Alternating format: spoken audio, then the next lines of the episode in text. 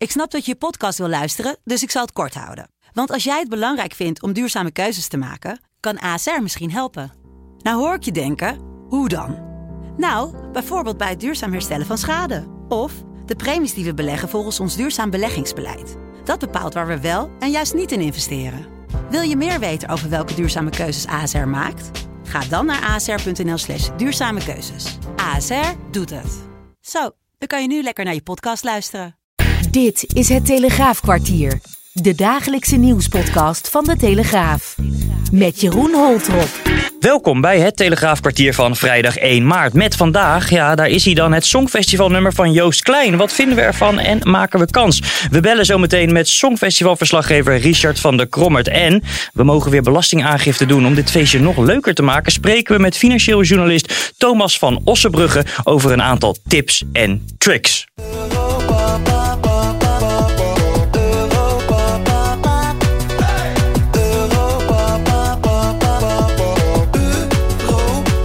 Ja, Richard, zeg het maar. Uh, wat vinden we ervan?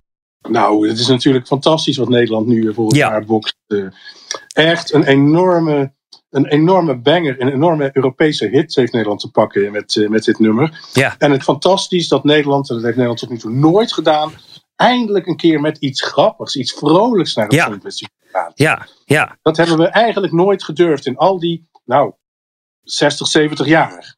Ja, is dit, hebben we nog nooit zoveel lef getoond als nu? Nee, nee, nee. Ja, lef is misschien niet het goede woord.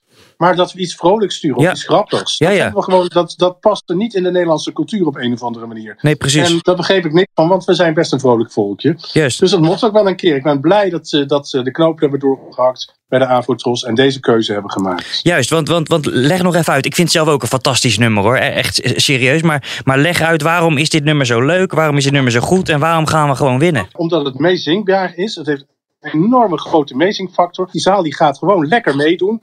Ehm, dan eh, weet ik niet, maar het zou nog wel eens kunnen zijn dat Joost in staat is om in Malmö in de zaal een moshpit te ontketenen. Oh ja. Dat zou toch wel helemaal te gek zijn. Ja, dat is ja. sowieso nog nooit gebeurd op het Songfestival. En dan is die beat die er op ruim twee minuten overgaat in die hardcore, die Nederlandse hardcore. Ja, Waar, wa- nou, ik heb eh, de afgelopen 24 uur een paar filmpjes gezien van buitenlanders hè, die op YouTube de Nederlandse inzending bespreken. Dat doen ze met alle inzendingen, maar ook met de Nederlandse inzending. ja, ja. En het grappige is dat de meesten dat doen en zeggen van tevoren: we hebben nog niks gezien, we hebben nog niks gehoord, we gaan er blind in. En dan zie je van, oh, Nederland stuurt iets wat geen ballet is. En daarna, als dat na twee minuten helemaal los gaat met dat hakken, dan valt de mond gewoon open en mensen worden er echt gewoon blij van. Juist. En dat, dat maakt het extraatje in dit nummer, die laatste 20 seconden, Ja. waarin eh, Joost Over zijn eh, ouders. over zijn ouders begint en zijn vader bedankt. Ehm, Zijn ouders zijn, over, echt- zijn ouders zijn overleden, geloof ik, hè, eh, ja, Richard? allebei overleden Vrij jonge toen hij 12, leeftijd. 13 was. Ja, En dat, maakt het, dat, dat zorgt voor een enorme emotionele lading. Mensen gelo- geloven ook niet van, oh, hoort dit er echt bij, dat laatste stukje? Ja, het hoort erbij. Het hoort er absoluut bij. Sterker nog, het is essentieel. Juist. dat zorgt voor die dubbele laag in dat nummer. juist. Hij, bezinkt andere landen en dat is misschien tactisch ook wel slim, of niet? Dat, ja, weet je, dat is geen, dat is geen truc eh, om hoog Oh, nee? eh, te. Echt niet. Maar ehm, het feit, wat, wat, wat wel opvalt, is dat hij iets in het Duits ook zingt. Ja, En zo- ha, Nederland gaat nu Duitse woorden gebruiken in een songfestival. Wat Duitsland zelf al meer dan twintig jaar niet gedaan heeft. ja precies, ja. dus dat is wel heel geestig. En dat zal zeker de Duitsstalige landen eh, inspireren om te stemmen. En daar zijn ze sowieso helemaal gek, hè? Want met het Friese Jong heeft hij afgelopen zomer zowel in Oostenrijk als in Duitsland een nummer 1 hit gehad. En ook in, Mos, in Zwitserland stond het heel hoog in de top 10. Dus daar kennen ze hem al. Ik ben zaterdag ook naar zijn show in Zurich geweest. En daar stond de boel echt op zijn kop. Dat is wat hij kan, hè? Ja, het is een, totaal, het is een geweldige entertainer natuurlijk, hè? Ook als je niet van deze muziek houdt. Ik had een vriendin van me meegenomen naar Zurich. Ja, Die zei van, nou, ik hou hier helemaal niet van. Maar je wordt meegezogen in die energie die hij maakt op dat podium. juist, juist. En eh, het is ook wel, eh, eh, hij vangt ook goed de tijdsgeest, toch? Of, of niet, hè? Met, met, over een verenigd Europa, hij bezinkt Europa. Het is, het is helemaal van deze tijd en eh, vrij actueel met alles wat er aan de gang is op ons Ja, dit is continent. ook, eh, dit, is een, dit, dit is een tekst die we eigenlijk misschien wel nodig hebben op dit moment. eh, eh, hè, dit- in deze tijd van polarisatie en eh, heel veel verschillen te benadrukken. is het ook wel eens fijn, ik weet zelfs zeker dat het fijn is, dat we, dat we bij elkaar komen met z'n allen. Juist, juist. Nou, nou, nou, nou, nou zijn wij enthousiast, heel enthousiast. Jij bent enthousiast, ik ben enthousiast. Ehm, ik hoor je net zeggen dat, dat, dat andere Europeanen ook enthousiast zijn. Is iedereen dan enthousiast of, of zijn er ook kritische noten? Nou, er zijn wel kritische noten, want vooral is het, het, het is ook zo dat het voor een deel ook You Love It or You Hate It song is. Uh, maar ik merk dat de lovers zijn uh, verreweg in de meerderheid. En, uh, en dat blijkt ook wel op YouTube. Uh, binnen 24 uur is de videoclip 2 miljoen keer bekeken. Dat is echt een uniek hoog Ja. aantal. Ja, 2,2 miljoen staat hij op, Twee- zag ja, ik net. Ongelooflijk. cijfers, ja. 2 Ja. miljoen had ik hier genoteerd. Ah, ja. ja, het is echt ongelooflijk. Het is krankzinnig dat we het nog nooit meegemaakt in Eurovisieland. Dat binnen 24 uur een song zo vaak is bekeken. De bookmakers daarentegen zijn wat minder enthousiast. Oh ja, wat, wat, wat, wat ja, zegt want men eh, daar? donderdagavond toen het nummer bekend werd. Toen, ja, dan gebeurt er eigenlijk altijd wel iets. Hè, als een nummer bekend wordt van een land. Hè, dat is nu zo elke dag aan de hand in een Eurovisieland. Nederland moest zelfs wat, eh, een, een, een stapje terug doen. Maar inmiddels eh, staan we op een twintigste plek. Dus we stijgen heel langzaam. Maar het moet wel nog een stukje harder, vind ik. Oké, oké. En dat einde, Richard, dat einde is gewoon prachtig. Dat eind Vind ik echt. Over zijn, eh, zijn, zijn ouders. Dan denk, je, dan denk je echt van, oh, we hebben echt gefeest, gefeest, gefeest. En dat is fantastisch. Ja. Maar dan, je voelt het ook. Hè? De, en de de tekst klopt ook. traantjes worden gepinkt. Dat weet ik zeker. Ja, ja. hey, wanneer kunnen we eh, Joost eh, huldigen? Want hij gaat winnen.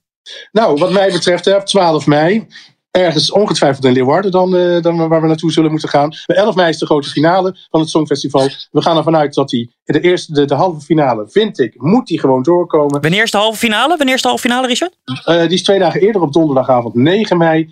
Dan staat hij uiteraard, hè, daar gaan we gewoon van uit, op 11 mei in die finale. En dan moet hij het nog een derde keer zingen op het moment dat hij gewonnen heeft. En ik ben daar absoluut voor. En ik ben eigenlijk ook voor dat S10, die zit in dat videoclipje, hè, samen met René Vroger en Donny en eh, Emma Wortelboer. Maar S10, ik wil dat zij eigenlijk gewoon ehm, een, een, een, een hardcore trainingspak aan gaat trekken en mee gaat feesten op dat podium in Malmö.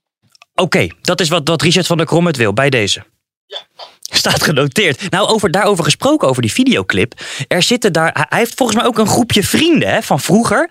Eh, een, een jonge stuntkabouter heet hij, geloof ik. En een influencer. Die zie je ook gewoon in de clip. Dus hij neemt ook wel zijn vrienden van vroeger superleuk mee in zijn succes. iedereen mag meedoen die die, die, die leuk vindt, lijkt het wel. eh. En, mensen, en mensen vinden het ook echt, weet je, die, zoveel Nederlands, eh, Nederlandse dingetjes in, een, eh, in een, een, een videoclip heb ik eigenlijk nog nooit eerder gezien. Nee. Ehm, voor de mensen die het nog niet hebben bekeken, eh, ga dat checken op YouTube of ga het nummer luisteren. Doe dat vooral. Richard, eh, jij bedankt eh, voor je komst.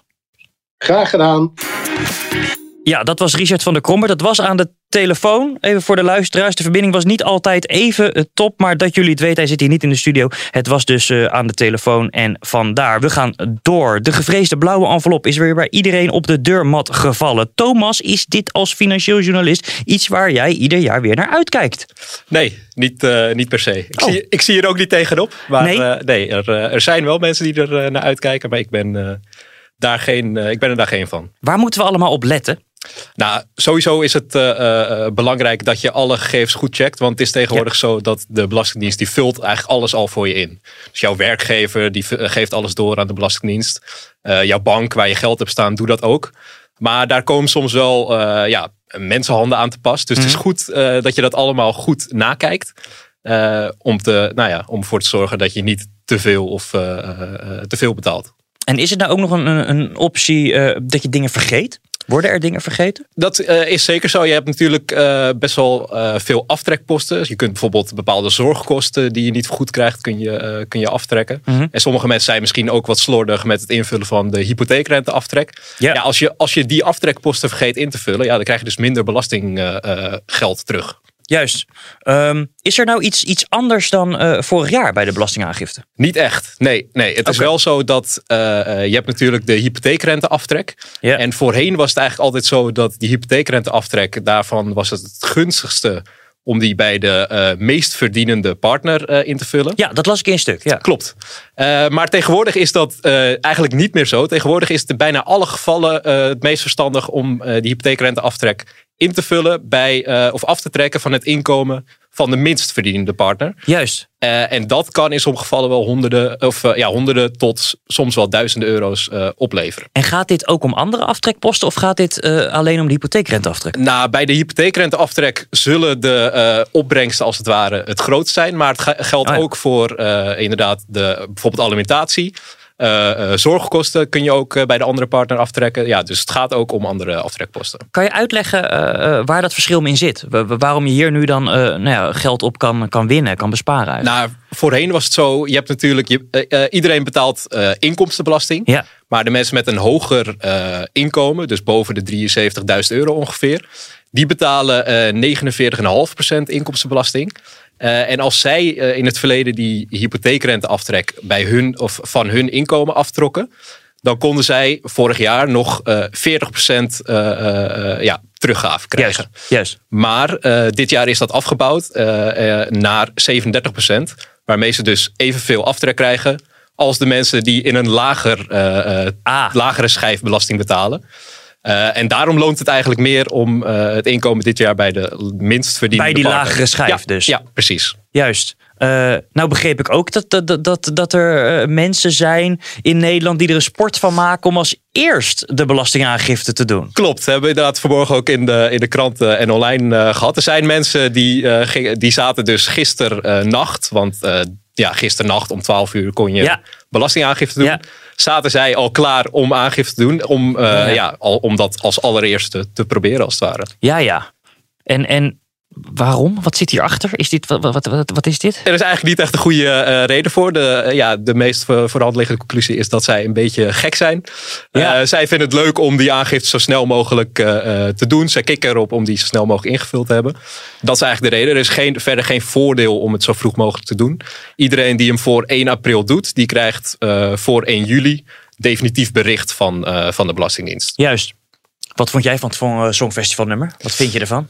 Ik vond het goed nummer. Het is uh, aanstekelijk. Ja, Uh, toch? er zit ook humor in. En wat je net al zei, ja, het is best wel slim dat hij ook uh, Frans, Italiaans in zijn, in zijn nummers Ja. verwerkt. Ik denk dat het best wel goed kan werken. Ja, zeker. Bedankt eh, voor je komst, man. En een fijn weekend. Jij ook. Dankjewel. Ja, jongens, bedankt voor het luisteren. Maandag om half vijf zijn we er weer. Wil jij op de hoogte blijven van het laatste nieuws? Ga dan naar telegraaf.nl of download de Telegraaf-app.